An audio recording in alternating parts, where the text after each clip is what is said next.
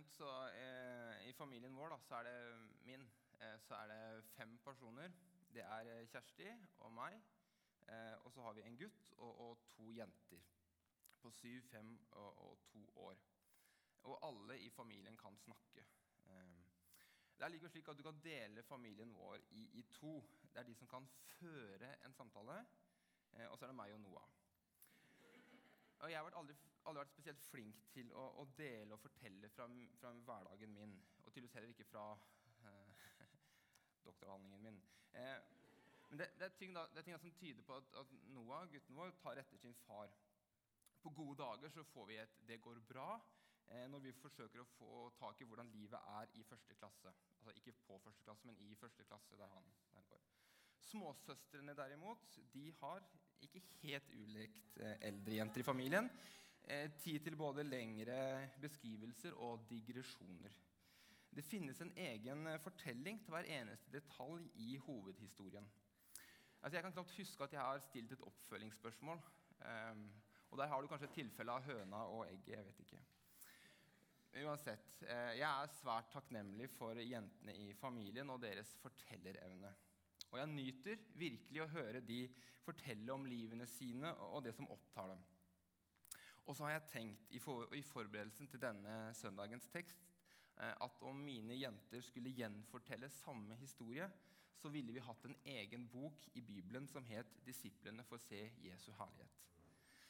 Legg merke til når vi skal lese om litt hvor økonomisk Matteus er med språket sitt. Og forestill deg at eh, Ari Behn eller kanskje Knausgård skulle formidle samme hendelse. Eh, søndagens eh, tekst fra Matteus 17, eh, som vi også finner i Lukas og Markus' evangelium, muligens også med en referanse hos Johannes, er som et sånn teologisk konsentrat. Hendelsen ser ut til å ha potensial for utbroderinger. Men Matteus kjører en stram linje, holder seg til det som er hovedpoenget i, i hans fortelling om Jesus. Eh, også dette er en fortelling om hvem Jesus er. Eh, og Dere som har mulighet til det, kan nå få lov til å reise dere opp når vi sammen skal lese eh, teksten. Som vi også finner i Matteus 17. Seks dager senere tok Jesus med seg Peter, Jakob og hans bror Johannes og førte dem opp på et høyt fjell hvor de var alene. Da ble, hans, da ble han forvandlet for øynene på dem. Ansiktet hans skinte som solen, og klærne ble hvite som lyset. Og se, Moses og Elia viste seg for dem og snakket med ham. Da tok Peter til orde og sa til Jesus, 'Herre, det er godt at vi er her.' Om du vil, skal jeg bygge tre hytter. En til deg, en til Moses og en til Elia. Mens han ennå talte, kom en lysende sky og skygget over dem, og en røst lød fra skyen. Dette er min sønn, den elskede. I ham har jeg min glede. Hør ham. Da disiplene hørte det, kastet de seg ned med ansiktet mot jorden, grepet av stor frykt. Men Jesus gikk bort og rørte ved dem og sa, Reis dere, og vær ikke redde. Og da de løftet blikket, og så, så de ingen andre enn ham, bare Jesus. På veien ned fra fjellet ga Jesus dem dette påbudet. Fortell ikke noen om dette synet før menneskesønnen har stått opp fra de døde. Slik lyder Herrens ord. Vær så god, sitt.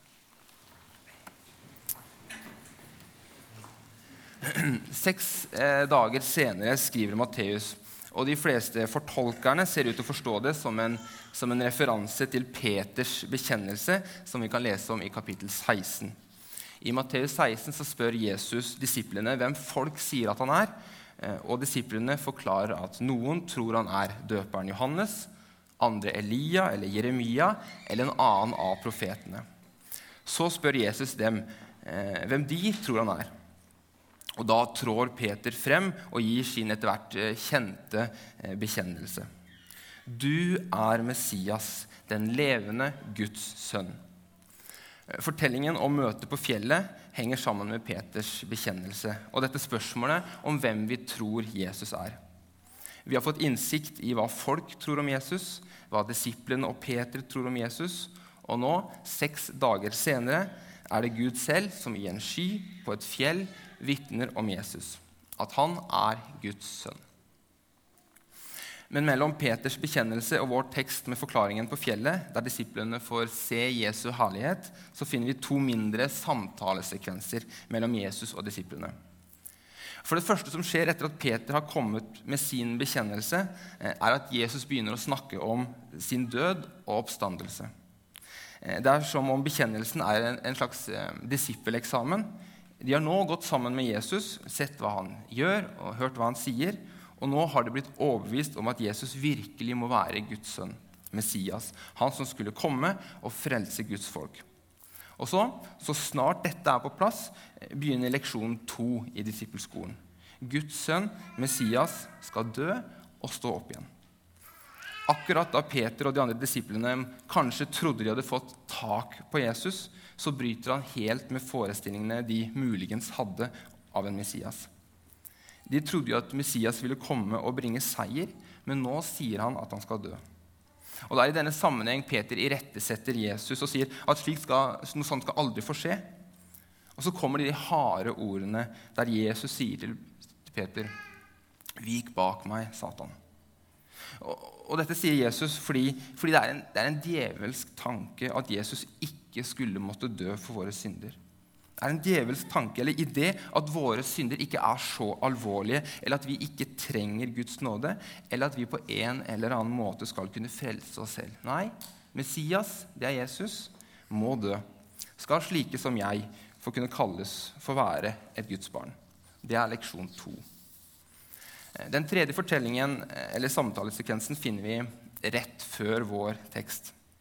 Vi kan kanskje kalle det da den tredje disippelleksjonen. Eh, den første var altså at Jesus er Guds sønn, vår frelser. Den andre er at vi trenger en frelser, at Jesus for vår skyld må dø. Og den tredje leksjonen er at det å følge etter Jesus har en pris. Om noen vil følge meg, sa Jesus, må han fornekte seg selv, ta sitt kors opp og følge meg. Vi er kalt eh, til å leve et annerledes liv, et liv med, med evige verdier for øye. Og så går det noen dager. Jesus har tatt med seg tre av sine nærmeste opp på et fjell.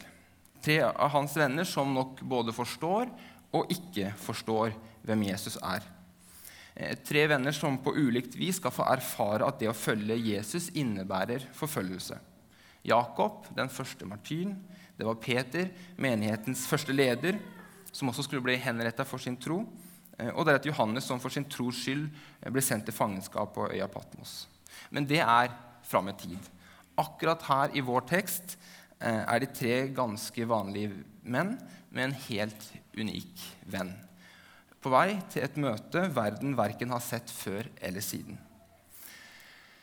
Det fins liksom ikke noen eksempler eller noen sammenligning som kan hjelpe oss til å forstå hvor spesielt dette var. Eh, det er et møte som, som på en måte er hevet over tid og sted. Et møte som knytter sammen troens hovedelementer på en måte. Det er Moses og loven, det er Elia og profetene, det er Johannes og evangeliene, det er Peter og kirken, og det er Jakob og etterfølgelsen. Og midt i dette sakens kjerne Jesus Kristus, Guds sønn, vår Herre, vår venn. Og det er en mektig scene. Og Fortellingen om dem er som en slags teologisk konsentrat med hint og referanser til en masse ulike bibelfortellinger og, og teologiske poeng. Det er som et teologisk koldtbord, har jeg tenkt. Og så har jeg som i møte med andre koldtbord hatt vanskelig for å vite hvor jeg skal begynne, og hvor lenge det er innafor å holde på. Um, og, og, Kanskje er det derfor Matteus og de andre evangelistene skriver såpass enkelt og lite utbroderende om episoden.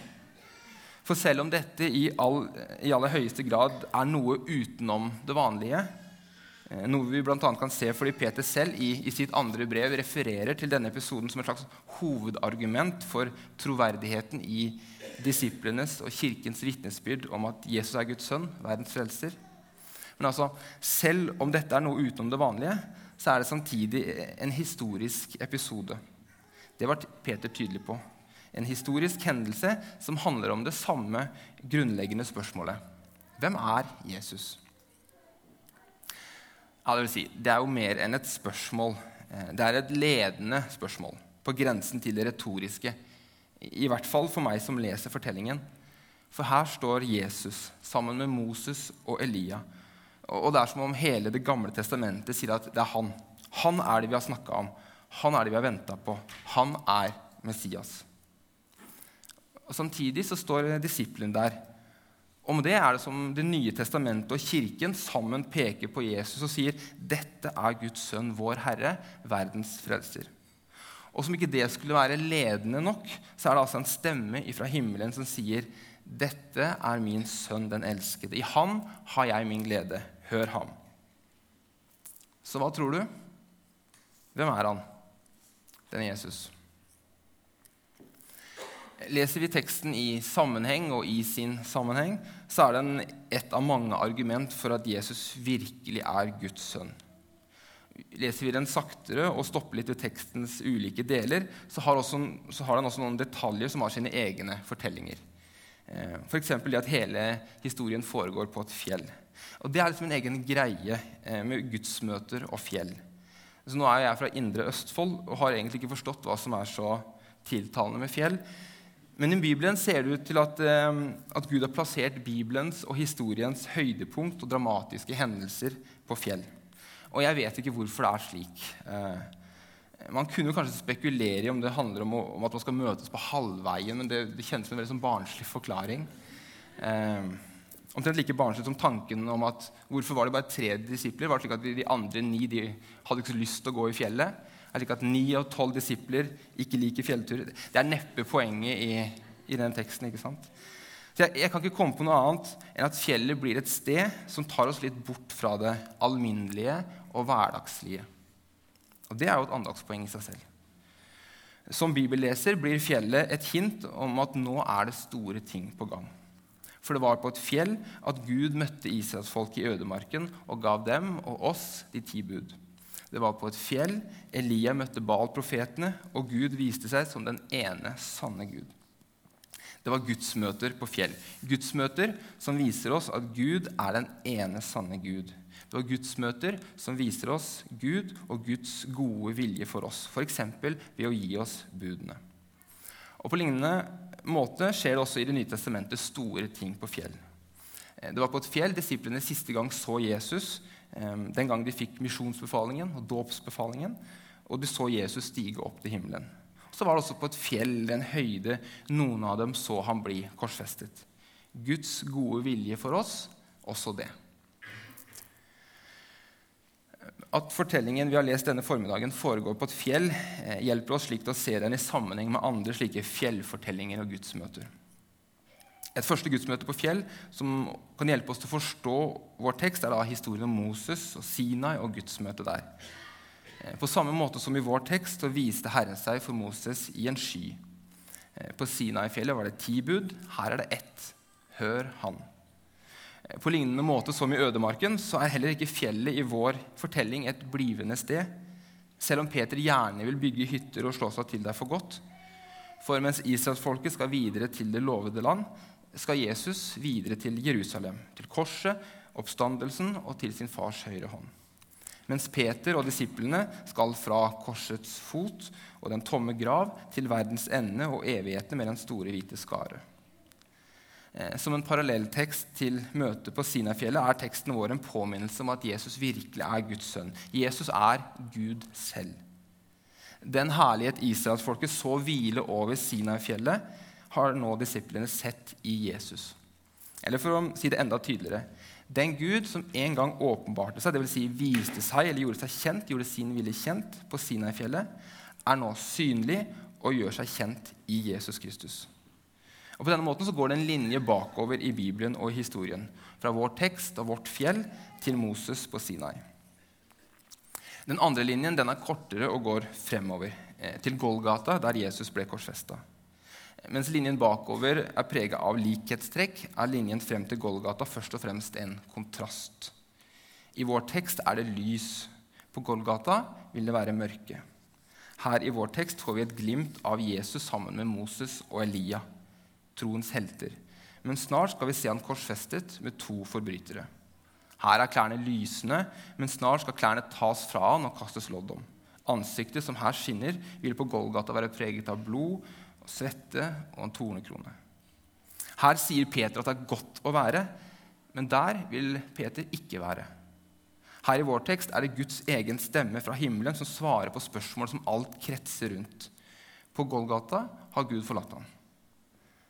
Den som nå svarer på spørsmålet om hvem Jesus er, er en hedensk soldat og bøddel.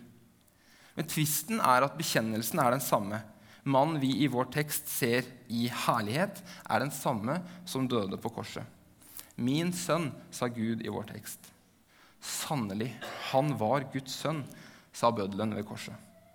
Det handler om Jesu identitet, om hvem Jesus er. Så sa jeg at dette spørsmålet var ledende og opplagt. Og, ja, og det er det vanskelig å gå tilbake på nå. Det er det. Og Samtidig så er det ikke så enkelt. Eh, det er opplagt at i teksten eh, er det ingen tvil om at Jesus er Guds sønn. Samtidig er det ikke så godt for disiplene å forstå hva det innebærer. De forventer seier og fremgang, men ifølge evangelisten Lukas, som også skriver om denne episoden, samtalte Elia, Moses og Jesus om det som skulle skje med Jesus i Jerusalem. Eh, om den utgang livet han skulle få, om det han skulle fullføre i Jerusalem. Det er, det er sant at Jesus er Guds sønn, men Jesus er også Herrens lidende tjener. Fortellingen om møtet på fjellet finner vi altså både hos uh, Matteus, Markus og Lukas, med bare noen mindre forskjeller. En ting de alle har fått med seg, er Peters ønske om å bygge hytter. Og det er jo morsomt at alle har tatt med det, og at han sa det. samtidig er det ikke så rart. For det Peter er vitne til der oppe på fjellet, er altså så mektig og så storslått at han ikke vil videre. Eh, for det Peter og de to andre disiplene får et glimt av, det er herligheten. En glimt av det som venter Markus og alle oss som hører Jesus til, som er Guds barn. Kort tid etter opplevelsen på fjellet så skal disiplene ned igjen. Ned fra fjellet, ned til en verden som ikke bare er god. Eh, til sykdom og prøvelser. Dette vet dere hva det handler om. Men Peter han har fått se noe som er bedre bedre enn denne verden. Han har fått et glimt av den virkelighet vi mennesker egentlig er skapt for. Det er ikke rart han vil bli værende.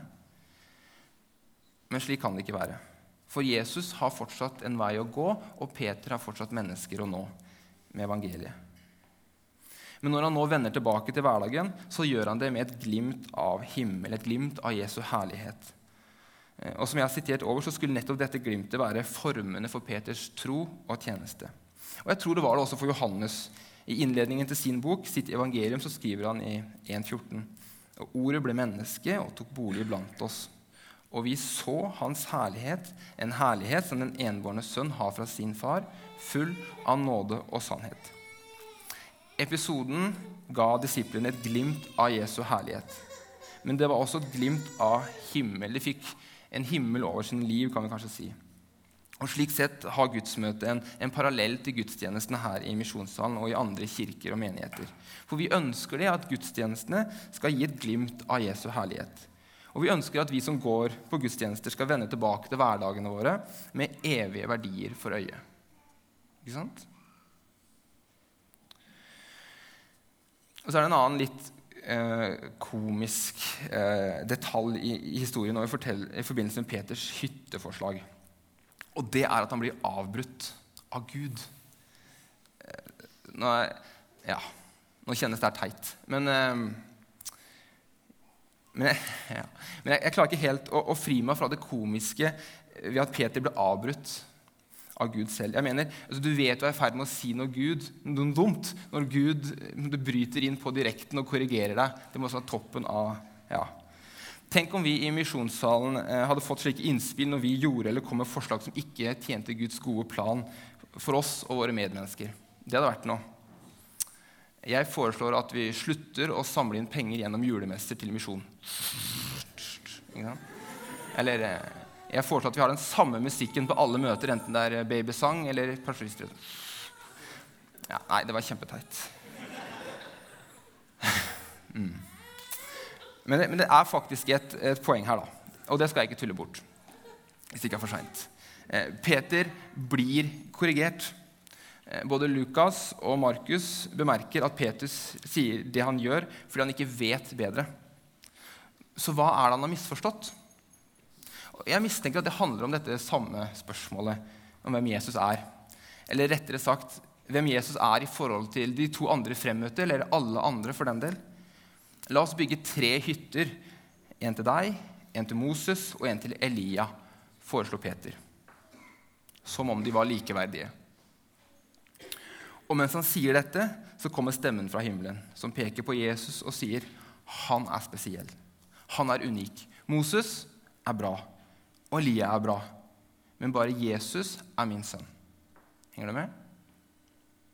Stemmen etablerer på en måte et sentrum og en, en periferi, og sakens kjerne er altså Jesus, Guds sønn. Selv ikke Moses og Elia er hans like. Jesus er unik. Bare han er frelser. Bare Jesus er Guds sønn. Hør han. Da disiplene hørte det, står det at de kastet seg på bakken i frykt. Men Jesus kom bort til dem og tok på dem og sa at de skulle reise seg opp og ikke være redde. Og når de nå kikker opp, så ser de ingen andre enn han. Bare Jesus. Bare Jesus. Det er fint. Det syns jeg er fint.